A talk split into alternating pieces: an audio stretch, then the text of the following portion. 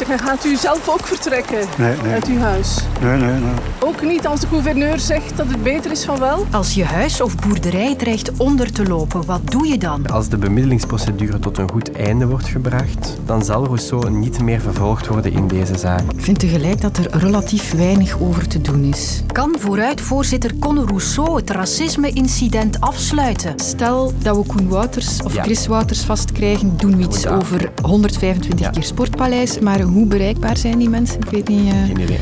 Dat bleek goed mee te vallen. Dus heb ik gevraagd of het hen nog iets doet voor de 125ste keer het Sportpaleis mogen vullen. Hallucinant veel. Kom erbij, dit is het kwartier en ik ben Sophie van der Dopt. Thuisblijven of vertrekken. Als je hele hebben en houden kan overstromen, voor die keuze kom je liever niet te staan. Wij zien het aankomen. Hè. Laten we zeggen dat het 1 centimeter per uur stijgt. Maar ja, we wonen in een heel vlak gebied, dus dan, dan zie je het water eh, dagen aan een stuk dichterbij kruipen. Dit is Guido van den Broeke. Hij woont aan de rand van een natuurreservaat in Diksmuiden en moest dus een moeilijke knoop doorhakken. We waren eigenlijk al bezig op dat moment met voorbereidingen te treffen. Eh, voor het geval het water binnenkomt. Dus dat betekent ja, alles wat eh, waardevol is en dat kan verplaatst worden naar de eerste verdieping plaatsen. En dan de andere zaken eh, allemaal eh, iets hoger zetten en houtblokjes zagen. En de meubels eh, op houtblokken zetten. En dan ja, kleren verzamelen en eh, valies maken en eh, inpakken en wegwezen. Zo was het. Hè. Ja. Vertrekken is een zware beslissing. Dat weet ook Nico de Vrieze, luitenant bij de brandweer. Mensen willen hun eigendom zo lang mogelijk beschermen. En als je aanwezig bent, als je er eh, zicht op, eh, vanaf dat je vertrekt, dan weet je niet wat er gebeurt met je eh, woning. En dat is altijd een, een zeer moeilijke keuze. Maar het, het veiligste is altijd op tijd vertrekken. We snappen vanuit een menselijk perspectief dat mensen hun eigen materiaal, hun goederen waar ze zo lang voor gespaard hebben, toch zo lang mogelijk willen beschermen. Niet zo ver van Guido van den Broeke heeft Marino Leeman een boerderij in het getroffen gebied in Houthulst. Ja, momenteel eh, ben ik hier op mijn boerderij nog altijd. eh, tegen de Blankaart, Hoemen, het Spaarbekken, productiecentrum. Ik woon er vlak naast, allee, met mijn gat in het water, op zijn plat Vlaams gezegd. En Marino weet nog niet of hij zal vertrekken. Hij zit met een groot dilemma. Het zijn de dieren die hier tellen. eh. Binnen een huis, wat moeten we binnen een huis doen? Eh, eindelijk, binnen een huis interesseert het mij niet. eh. het zijn die dieren die voor mij het meest eh, belangrijkste zijn. Dit is het enige, dat is iets dat je opbouwt en ik ben daar 25 jaar mee bezig en elke dag, ja, wat gaat er gebeuren? Hoe hoog zal het komen? Niemand weet het. Maar ja, komt het pijl op de weg tot 30, 40 centimeter, zal ik toch de beslissing moeten nemen dat ik niet wil nemen, denk ik. Dat, dat zal een heel zwaar moment worden dan. Om met, ja, met je dieren, eh, het is niet alleen met je dieren, eh, je moet je voeder meedoen en heel de boel, ja. Dit wordt een ja, hele operatie om te verhuizen dan. 85 melkkoeien evacueren en alles wat erbij hoort. Hoe begin je daaraan? Zolang dat je nog met voertuigen tot bij een boerderij kan eh, geraken, is dat nog altijd de beste optie. Ik spreek dan van voertuigen zoals tractoren, 4x4 voertuigen, waar de dieren kunnen ingeladen worden. Als dat niet meer mogelijk is, dan wordt dat een heel complexe situatie. Wij hebben wel heel veel boten aanwezig om eventueel mensen te redden. Denk maar aan de zogekende RIPS, eh, van die eh, rubberen opblaasbare boten met een motor, waarbij dat je dan dichter kan varen. Maar waarbij je ook terug diezelfde complexiteit hebt. Als je met een motor vaart, dat je ook je motor niet meer veilig over alles kan doen. Hè. Als je over bijvoorbeeld een weide vaart, ja, misschien er daar eh, prikkeldraad onder die in de motor kan geraken. Als er echt nog dieren zouden zijn en moet dat met boten doen, dan heb je eh, specifieke werkboten of eh, pontons nodig. Die kunnen getrokken worden. Die hebben we niet bij de brandweer, maar die kunnen dan wel vanuit eh, ehm, ja, de privéwereld opgevorderd worden en die moeten dan getrokken worden. Maar dat zou dan toch wel een, eh, een hele grote organisatie zijn, waarvoor dat ik persoonlijk altijd zou pleiten voor een preventieve evacuatie doen van dieren. En ook bij de Vlaamse Milieumaatschappij hoor ik dat preventief werken belangrijk is. Bram Vogels vertelt hoe je je woning kan beschermen tegen wateroverlast. Vandaag wordt er heel sterk ingezet op, op zandzakken. Nu, dat belast natuurlijk de crisisdienst ook heel sterk. Gelukkig hebben we heel wat producenten, ook in België, beschikbaar, die, die waterdichte schotten en dergelijke produceren, die voor ramen en deuren kunnen geplaatst worden.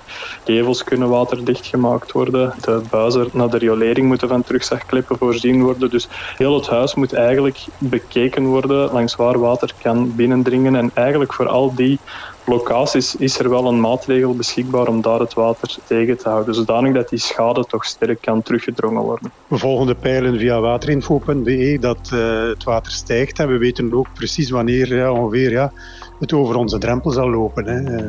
Dus dat is dan een beetje het cynische van, van een overstroming van op afstand uh, moeten meevolgen. Een lastig onderwerp, of dat vonden wij toch bij het kwartier.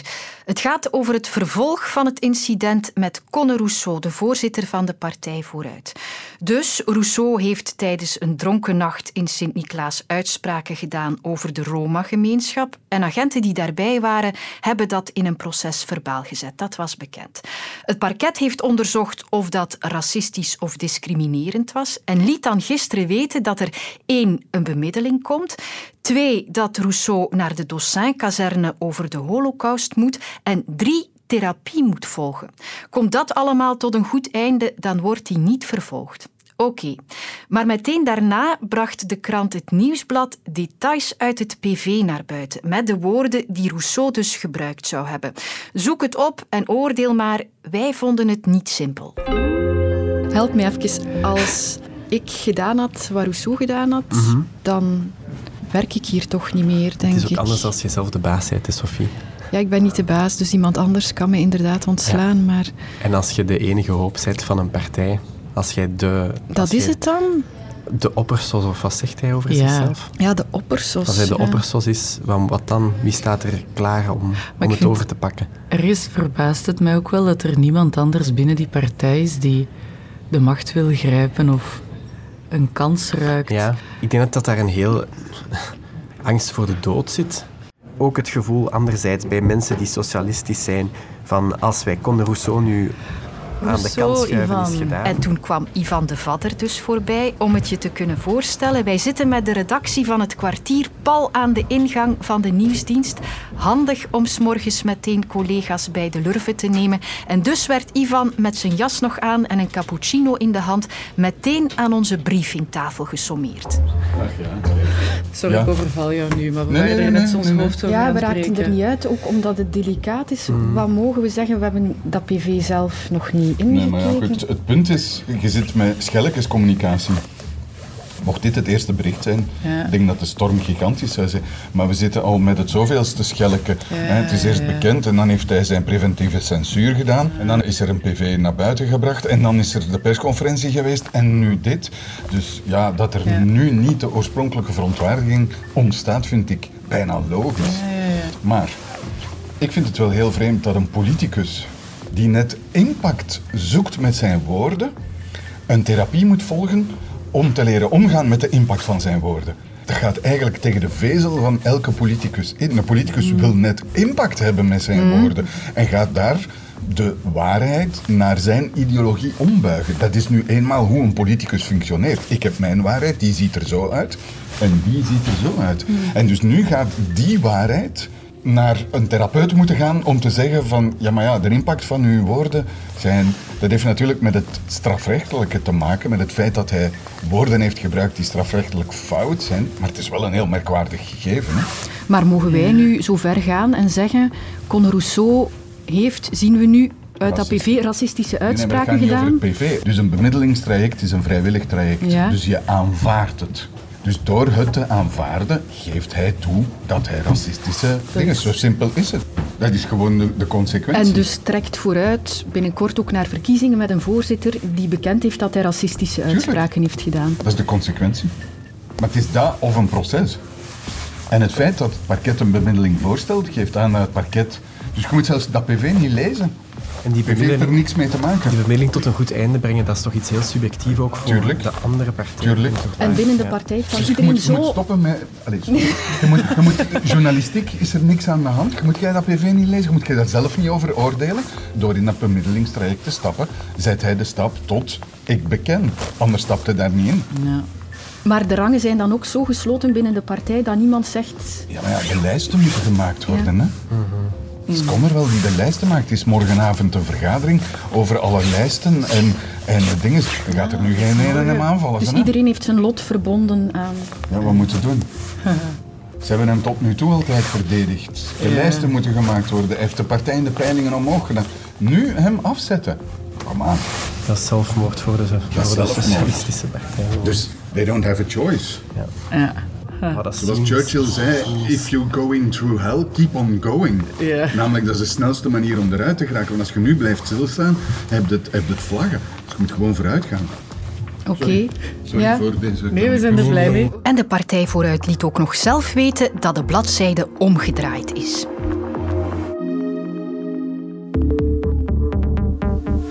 Dus ik ga echt met Koen Wouters bellen. En Chris Wouters, denk ik. Chris ook. Een showbiz-reporter in Sofie Ja. van der Donk komt boven nu. Hè. Ik ga de kans grijpen. Hè. Ik hoor iets, En ja. zien we die ook?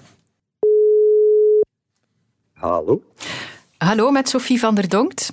Ah, dag Sophie. Het is eh, Chris en Koen Wouters. Dag Sophie. Dag Koen en Chris Wouters. Ik ben een beetje zenuwachtig, moet ik zeggen. Kennen jullie de podcast Het Kwartier van VRT Nieuws?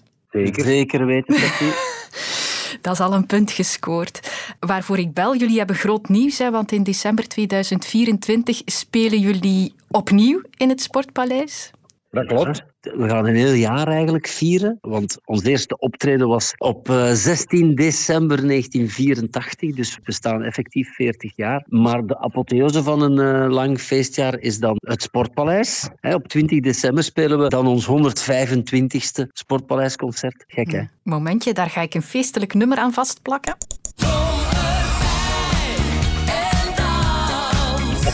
En 125 keer, ja, ongelooflijk veel, dat moet ik er niet bij zeggen. Doet dat nog iets met jullie? Ja, dat doet heel veel met ons. Het is ook iets waar je niet echt aan went. Hè. Dat is veel volk, ambiance en enthousiasme, liefde, eh, meezingen. Dus ja, da- daar gaan we toch wel terug wat voor stressen en heel veel adrenaline voor voelen. Toch nog altijd na 40 jaar. Zeker, ja. Lijkt het maar zo, of is het Sportpaleis een soort van maatstaf geworden voor Vlaamse artiesten? Als je daar staat, dan is het rond. Het is wel zo, toen wij dat voor de eerste keer deden, had niemand dat ooit gedaan. Vlaamse artiesten op eigen beweging het sportpaleis vullen. Als je nu een interview leest met een nieuwe jonge artiest, bijna een standaard zin is, ik droom ervan om in het sportpaleis te spelen. Dat is echt heel fijn dat we daar een beetje mee eh, zeg maar, de weg hebben kunnen wijzen naar, naar dat zaaltje. Want toen wij er begonnen, ja, toen ze daar nog eh, met de velo hè, in het sportpaleis. Jullie kunnen na al die jaren putten uit een breed repertoire aan nummers, maar raken jullie die nooit beu? Hoe houden jullie het fris? In het beste geval geraken we die nummers niet beu. Ehm, als er dan toch eens een nummer is, we hebben bijvoorbeeld een keer gehad dat we het liedje Anne zodanig vaak en veel gespeeld hadden, dat we een tournee hebben laten vallen en een jaar of twee niet hebben gespeeld. Maar dan, eh, dan keert dat wel terug, ja. Als je iets zou beu geraken, steek er gewoon een ander nummer in. Want we hebben natuurlijk veertien Nederlandstalige albums om uit te putten. Dus keuze zat, zou ik denken. Ehm, het is nog tijd voor mij om een uh, bekentenis te doen. Ik ben er in die 124 keer Sportpaleis nog niet bij geweest. Ja, de boegeroep mag, mag komen. Um, Dan stop dit interview nu. Dank u vriendelijk. Mag ik, mag, ik, mag ik toch nog een poging doen? Wel een keer in de Brielpoort in Deinze. Dat moet het jaar 89 of 90 geweest zijn. Ik was 9 of 10 jaar toen, maar ik heb er nog levendige herinneringen aan. Dat wel nog, ja. Hebben jullie daar nog herinneringen aan? Zeker. Aan die tijd ook, die beginjaren toch nog, hè?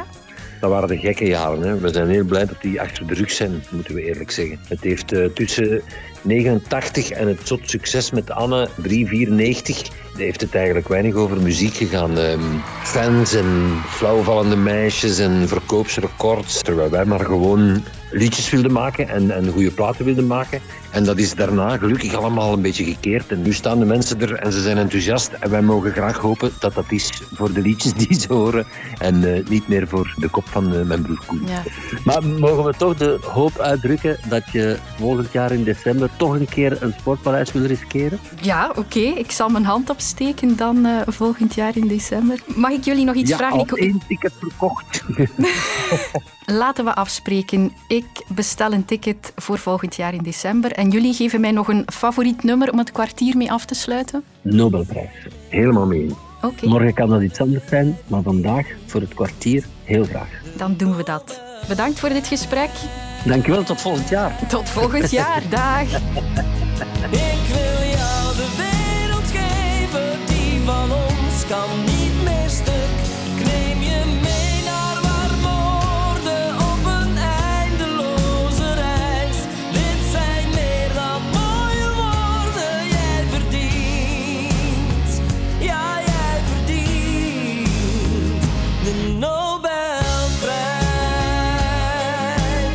Tijdens donkere winteravonden haalt Wim Helze zijn sofa opnieuw boven. Elke avond nodigt hij daarin een gast uit die vertelt over diens favoriete tekst. Beluister de podcast Winteruur op VRT Max.